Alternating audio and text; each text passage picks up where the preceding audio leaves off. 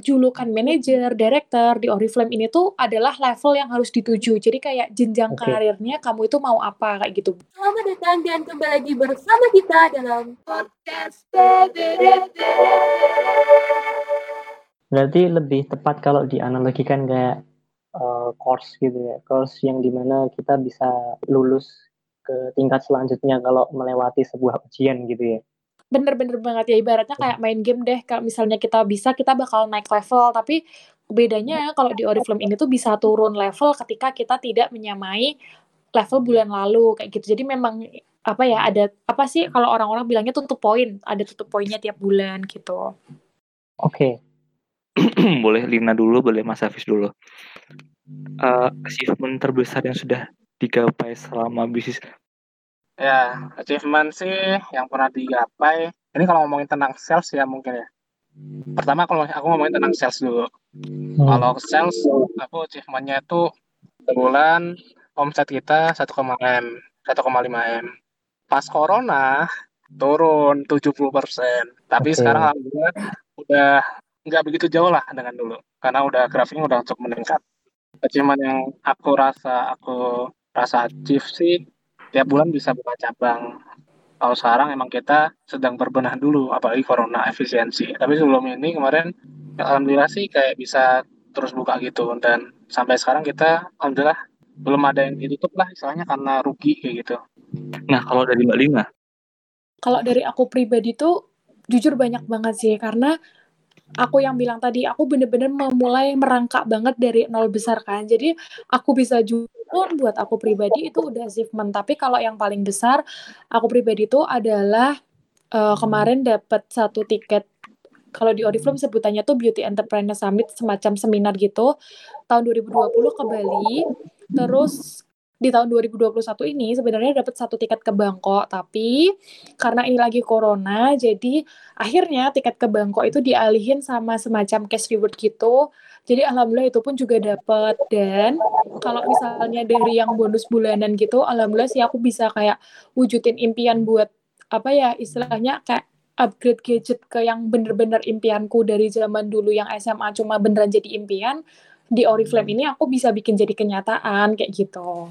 tapi tadi gue juga pasti gue dalam pikiran gue ya pasti Lina mau ngomong yang Bangkok ini kayak lu kalau ke Iya, Bangkok karena bisa dibilang aku apa ya aku semacam love and hate relationship sama pencapaian aku yang itu gitu loh. Karena bisa dibilang aku senang banget gitu dapat ke Bangkok karena aku belum pernah keluar negeri kayak gitu. Tapi ternyata ya semesta berkata lain gitu. Kayak semua semesta orang nggak akan bisa keluar negeri untuk kondisi sekarang ini. Apalagi hanya sekedar untuk bisa dibilang aku seminar sambil liburan kan. Jadi ya aku seneng dapat pencapaian ke Bangkok kayak gitu. Tapi di sisi lain ya aku memang ada sedihnya. Karena aku akhirnya batal karena corona gitu kan kayak itu bukan keputusan Oriflame tapi keputusan semesta gitu kan. Tapi bersyukurnya Oriflame pun mengganti itu dengan reward yang lain gitu. Oh keren keren keren. Hmm. nanti kalau mau mencari tahu lebih lanjut terkait bisnisnya masing-masing maaf betul ya bisa uh, stalking dia masing-masing ya di amalina.co berkan Amalina Co underscore. Maaf bunda. Amalina.co underscore atau di crispy bakar nah sekarang ada topik yang lain sama-sama bisnis Oh, boleh tadi kan udah Mas Hafiz duluan. Sekarang dari Mbak Ina dulu, habis itu ke Mas Hafiz. Kayak mana menurut kalian, pandangan kalian tentang statement yang beberapa hari atau minggu ini viral terkait kayak eh kita harus membuat mindset kita itu kita harus jadi orang kaya. Maksudnya ketika kita jadi orang kaya, katanya kita itu akan bisa berbagi kebahagiaan, berbagi kebaikan karena kita punya materinya dan ketika kita kaya eh, kita tidak tidak berpikiran yang aneh-aneh atau gimana gitu. Nah, menurut Mbak Lina gimana dengan statement itu? Oke, aku pribadi eh, jujur kalau untuk beberapa minggu ini belum pernah melihat statement itu ya. Tapi dari training-training yang aku dapat dari sejak awal aku gabung Oriflame, mental kaya itu menurutku sangat penting kayak gitu. Karena mental kaya itu beda dengan apa ya istilahnya kayak mental kaya tuh belum tentu harus punya duit banyak dan lain-lain. Tapi mental kaya itu kayak kita yakin kita sanggup untuk melakukan sesuatu untuk memenuhi kebutuhan kita karena kita udah positive thinking duluan. Kalau kita bisa beda dengan mental miskin. Kalau mental miskin tuh yang aku tahu kita misalnya kayak jatuhnya jadi konsumtif, kayak jadi impulsif kayak gitu. Kayak misalnya kita punya duit sedikit, kita punya bonus yang oh bulan kemarin bonus aku 5 juta, bulan ini 6 juta, berarti satu jutanya ini bisa buat aku senang-senang. Nah, menurutku itu kayak sesuatu yang salah banget. Padahal ketika kita punya, punya mental kaya, pasti kita berusaha sebisa mungkin untuk saving lebih banyak, untuk sedekah lebih banyak. Menurutku itu sangat penting sih, apalagi sedekah ini tuh kayak karena kan nggak kelihatan ya biasanya kita sedekah itu kayak nominalnya kita sendiri yang tahu tapi feedbacknya pun kita sendiri yang tahu. Jadi menurutku kalau yang apa tadi Reza bilang bisa berbagi lebih banyak ya kayak itu Iya. aku setuju banget kalau untuk yang itu. Ketika kita punya lebih banyak aku yakin kita pun akan bisa berbagi lebih banyak juga dan pun bisa bermanfaat buat orang lain lebih banyak lagi gitu. Kalau dari Mas Hafiz gimana? Oke, saya sama ya kayak si Mbak Marina tadi juga baru dengar. Cuman basicnya kalau saya relate yang apa yang didiskusin sama Mbak Marina tadi, mungkin aku bisa nambahin ya. Biasanya kalau misalnya ngomongin tentang mental kaya, mental kaya itu pasti akan selalu risk taker dan calculate risk gitu. Maksudnya dari situ biasanya akan muncul sifat-sifat untuk gimana caranya semua systemize buat money work for me kan kayak gitu.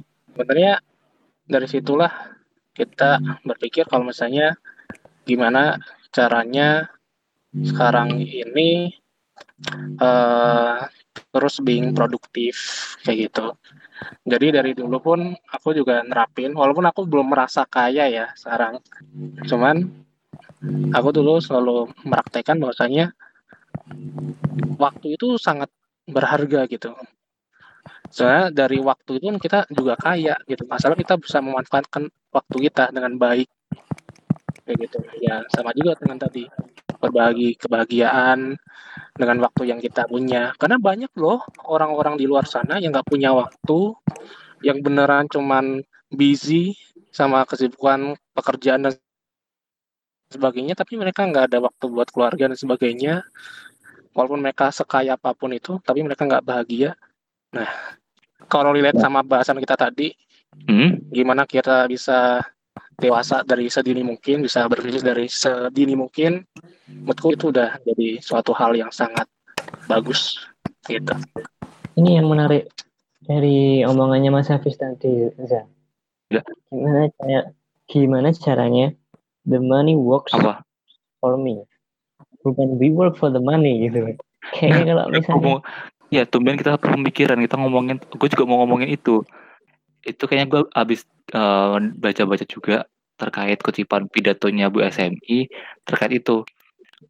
Apa sih bedanya? Bu siapa? Ah, sorry, Bu Sri Mulyani, Menteri Keuangan. Oke. Kata Bu SMI sama aja, makannya sama. Bahkan bisa lebih rajin orang Indonesia. Cuman orang Indonesia itu terlalu sibuk bekerja untuk mencari uang. Sementara orang Amerika mereka sibuk memeras uang untuk bekerja untuk kepadanya. Kayak kayak kutipan yang tadi Mas Hafiz ngomong tadi kayak wow.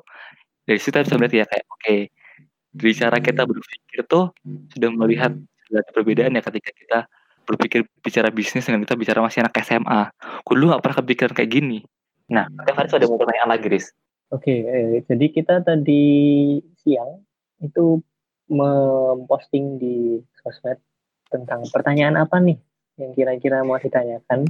Nah, terpilihlah satu pertanyaan yang dinilai paling menarik dari yang tidak berkenan disebutkan namanya. Bagaimana sih cara memaksimal keuntungan dan meminimalkan kerugian? Kita kan ada di bahasan di mana dua narasumbernya berbeda nih. Satu yang menjalankan bisnis yang punya, yang satu dia ikut orang. Nah, mungkin dari Mbak Rina dulu nih yang uh, ikut orang, gimana sih caranya? Oke, kalau aku bisa dibilang minim resiko ya bisnisnya. Maksudnya kayak ya saingannya jualan kayak gitu. Tapi ketika udah ada di bisnis Oriflame ini yang aku rasain adalah gimana caranya mengoptimalkan keuntungannya adalah bonus yang aku dapat itu digunakan sebisa mungkin untuk investasi bisnis lagi. Jadi istilahnya kayak aku nih dapat duit dari Oriflame, berarti aku harus berani spend money untuk membesarkan bisnisku juga kayak gitu. Entah itu untuk ya istilahnya beli katalog ataupun beriklan, pasang iklan di sosial media kan pasti jelas bayar ya. Jadi kalau aku pribadi kalau untuk memaksimalkan keuntungan di bisnis, aku bakal berani bilang kalau jangan pernah takut untuk investasi. Karena mungkin investasi itu jangka panjang ya kayak sekarang kita investasi besok belum tentu kelihatan hasilnya kayak gitu. Tapi mungkin satu dua bulan atau satu dua tahun kemudian baru akan kelihatan nih hasil dari investasi kita kayak gitu. Karena takutnya ketika kita udah menjalankan bisnis nih kita terjebak sama keuntungannya. Kayak bisa dibilang bisnis ini memang hasilnya kan lumayan banget ya. Bisnis apa pun aku yakin bisnis uh, hasilnya tuh lumayan banget.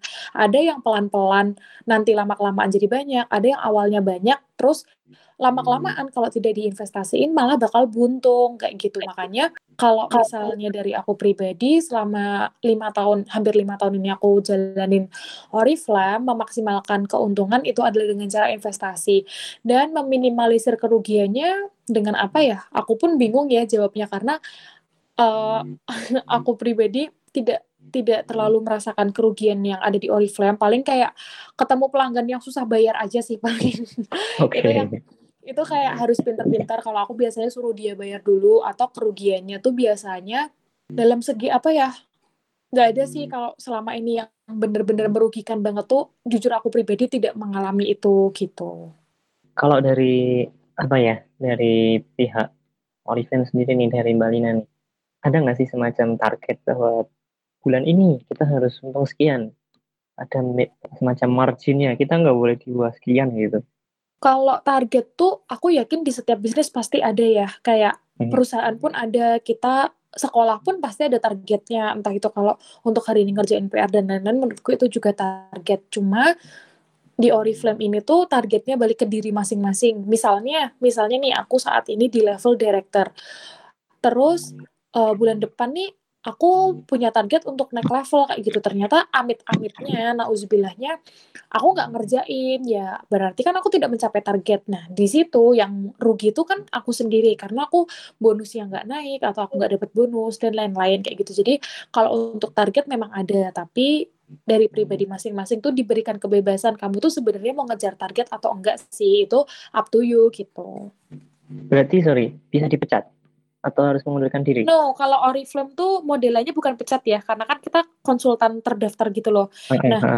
si nomor karena kita pakai nomor member nih, istilahnya nomor konsultan, dia bakal otomatis terminate atau dia bakal otomatis istilahnya istilah kasarnya nomor konsultannya tuh akan mati ketika dalam satu tahun gabung dia tidak melakukan pembelanjaan apa pun gitu jadi dia otomatis bakal ter, ter terminasi gitu loh nomor konsultannya oke okay, oke okay kalau Mas Hafiz nih, uh, gimana untuk memaksimalkan keuntungan dan meminimalisir kerugian? Menarik nih ya. Kalau kategori F&B itu termasuk yang bisnis cash flow-nya yang paling cepat. Ya. Oke. Okay. Paling cepat dibanding semua bisnis. Semua bidang bisnis. Karena kita itu hari ini jualan, besok beli bahan, langsung jualan, beli bahan, jualan, beli bahan kayak gitu-gitu. Jadi duitnya tuh muter terus itu. Kan gitu ya. Ibaratnya sekarang gini, kalau saya teman-teman nih lihat di ada mah makan yang sepi kalian lihat. Nah, dia tuh sebenarnya serba salah loh. Ada tidaknya yang beli makanan tetap sewa tuh harus dibayar. Kayak mau ya kan ya? sekarang ini ya. Ada yang beli atau enggaknya makanan karyawan harus dibayar. Bahkan kita juga harus di makanan walaupun nggak ada yang beli. Bener nggak? Nah, itulah cash flow-nya kalau rumah makan cepat. Nah, terus tadi pertanyaannya kan gitu ya, gimana maksimal keuntungan dan minimalisir kerugian ya. Intinya sih fokus. Jadi baiknya ya kita kalau analisa dan sebagainya kayak itu kita harus pakai teori-teori. Kalau misalnya ngomongin tentang tadi maksimalkan keuntungan, berarti kan kalau kita tahu teorinya kan apa namanya revenue sama dengan profit plus cost. Berarti berarti profit sama dengan revenue kurangin cost. Kalau mau memaksimalkan keuntungan berarti kurangkan cost, turunkan cost. Gitu. Nah, terus gimana cara menurunkan costnya? Ada oh, namanya teorinya Pareto analysis. Pareto analysis itu adalah teori 8 banding 20. Jadi, kadang kalau di setiap bisnis ada 20 80% dari aktivitas itu menyumbang impact 80%. Ada juga yang 80% cuma menyumbang impact 20%. Nah, sekarang kita lihat. Bisa kan ayam gep, ayam ya, ayam ayam fried chicken gitu. Nah, dari cost turnover cost yang paling tinggi itu apa? Yang menyumbang 80%-nya dari total biaya yang ayam dan beras. Ya, kan benar ya? Ada seratusan lebih bahan baku yang kita punya. Cuman ayam dan beras itu cuman dua dari sekian dari seratusan bahan baku tadi. Gitu. Kita fokus buat nurunin harga ayam 500, impact-nya udah berjuta-juta. Kita fokus okay. buat nurunin harga beras 500 rupiah, impact-nya udah berjuta-juta. Dibandingkan kita nurunin bawang, ketumbar, kayak gitu-gitu. Nah, di situlah sebenarnya. Turunkan cost. Okay. Gimana cara menurunkan costnya? Ya kita tadi fokus ke Pareto analisis tadi, fokus gitu. Oke Mas Hafiz, uh, kalau dari penjelasan Mas Hafiz itu kan tadi kita harus fokus dan juga setidaknya tahulah bagaimana cara menganalisis. Jangan cuma sekedar ambil keputusan dengan emosional aja gitu. Tapi gimana nih buat teman-teman yang kita mulai bisnis, tapi kita bukan dari background bisnis maupun berpendidikan di bidang bisnis. Kalau Mas Hafiz ini kan jelas ya, uh, pendidikannya sekolah bisnis manajemen gitu. Oke. Okay. Singkat aja mungkin. Kan Oke, okay. kan pertanyaannya gitu ya. Kalau saya kita nih masih baru ya kan, kita nyubi. Kita hmm. gimana nih belajarnya? Padahal kita nggak sekolah bisnis juga. Kalau kita pengen bisnis F&B, ya kita belajar sama orang yang pernah jalanin F&B. Kalau kita pengen belajar, kenapa? Karena kita bisa melewati jatuh bangunnya yang dia pernah alami. Jadi kita tinggal ikutin aja jalannya yang udah bener dan kita nggak jatuh di lubang yang sama yang dulu pernah dia alami. Oke, sangat luar biasa sekali. Intinya apa pun kita setidaknya diusahakan punya mentor atau Betul. teman yang setidaknya bisa kita ajak untuk diskusi walaupun Betul. memang kalau misalnya temannya belum berpengalaman ya ya setidaknya bisa lah untuk berdiskusi brainstorming gitu nah kalau nggak punya kenalan kayak gitu gimana terus jawabannya apa coba aja perluas relasi. Enggak.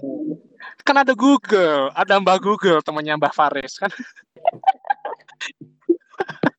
Iya tak tanya temannya Mbak Faris.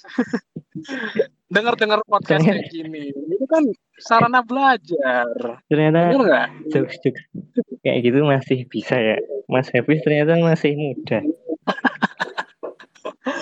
Saya kira setelah jadi calon ayah jadi tambah tua gitu oh iya ngomong soal calon lah lupa ini selamat buat Mas Hafiz yang saya lupa tanggal berapa ya menikah oh Desember oh ya Desember lalu oke okay uh, kita udah memasuki akhir-akhir sesi ini. Uh, mungkin dari Mas Riza ada yang ingin disampaikan?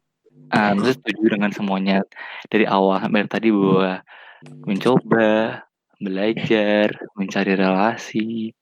Pokoknya intinya harus berani, jangan jadi jangan pemalu, jangan malu untuk bertanya.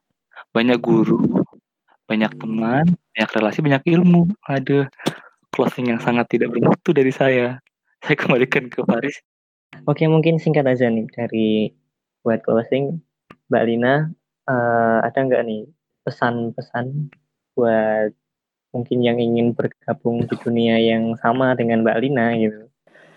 Intinya Mengingat... kayak jangan takut mencoba dan jangan pernah berhenti belajar sih, karena kita tuh nggak akan pernah menjadi tua dengan belajar, nggak ada batasan ilmu untuk belajar. Nggak ada batasan umur untuk belajar ya maksudnya. Nggak akan menjadi tua karena belajar. Wow yeah. luar biasa sekali itu makin banyak belajar saya tambah tua tapi kan tambah pintar. Kalau Mas Hafiz nih pesan-pesan untuk para teman-teman yang sedang memulai bisnisnya ataupun yang sedang bergelut dengan bisnisnya kalau dari aku sih satu aja deh ya tapi ini bermakna banget nih jadi kita semua harus punya definisi sukses masing-masing gitu. Dengan okay. begitu kita kan tahu mau ke mana. Nah kalau definisi suksesnya aku itu adalah mempertemukan kesempatan dengan persiapan.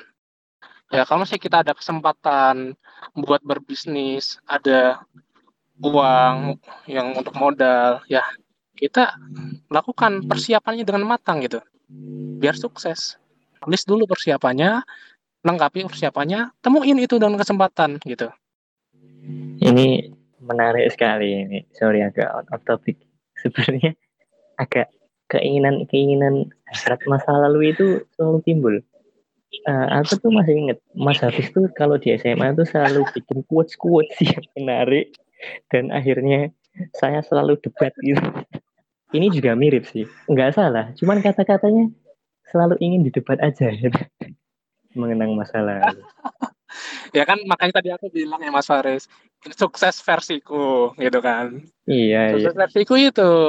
Kalau Mas Faris ada sukses versinya Mas Faris, ya mau. Oke. Okay.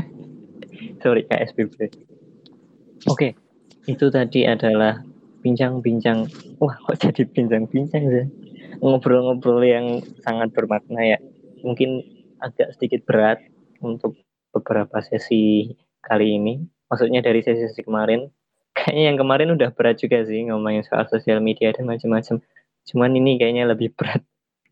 Jadi semoga yang mendengarkan sampai akhir bisa memetik apa pelajaran yang ada. Terima kasih buat Mas Hafiz dan Mbak Lina waktunya. Thank you. Jangan kapok-kapok ya kalau diajakin Faris lagi. Iya, ya, sukses ya kalian di mana-mana. Mohon maaf ya, saya sedang tidak begitu sehat hari ini jadi banyak diambil alih. Bukan diambil alih, banyak dibantu oleh rekan saya yang ya. sangat hebat sekali Mas Faris ini. Pokoknya kalau Pokoknya kalau Reza yang jadi lead asik. Kalau aku Enggak. serius. Pokoknya kalau gue topiknya tuh topik-topik yang ya itulah ya. Aduh sedang tidak berpikir saya. Baik, terima kasih buat Mbak Lina, Mas Hafi, sukses selalu di tempat kalian berada. Semoga tercapai keinginan sukses-suksesnya. Semoga, oh iya juga stay safe buat teman-teman semua yang mendengar juga ya. Tetap jaga protokol kesehatan. COVID itu masih nyata, belum selesai. Mari bersama-sama berjuang melawan COVID dengan tetap mematuhi protokol kesehatan. Terima kasih, sampai jumpa kembali. Wassalamualaikum warahmatullahi wabarakatuh.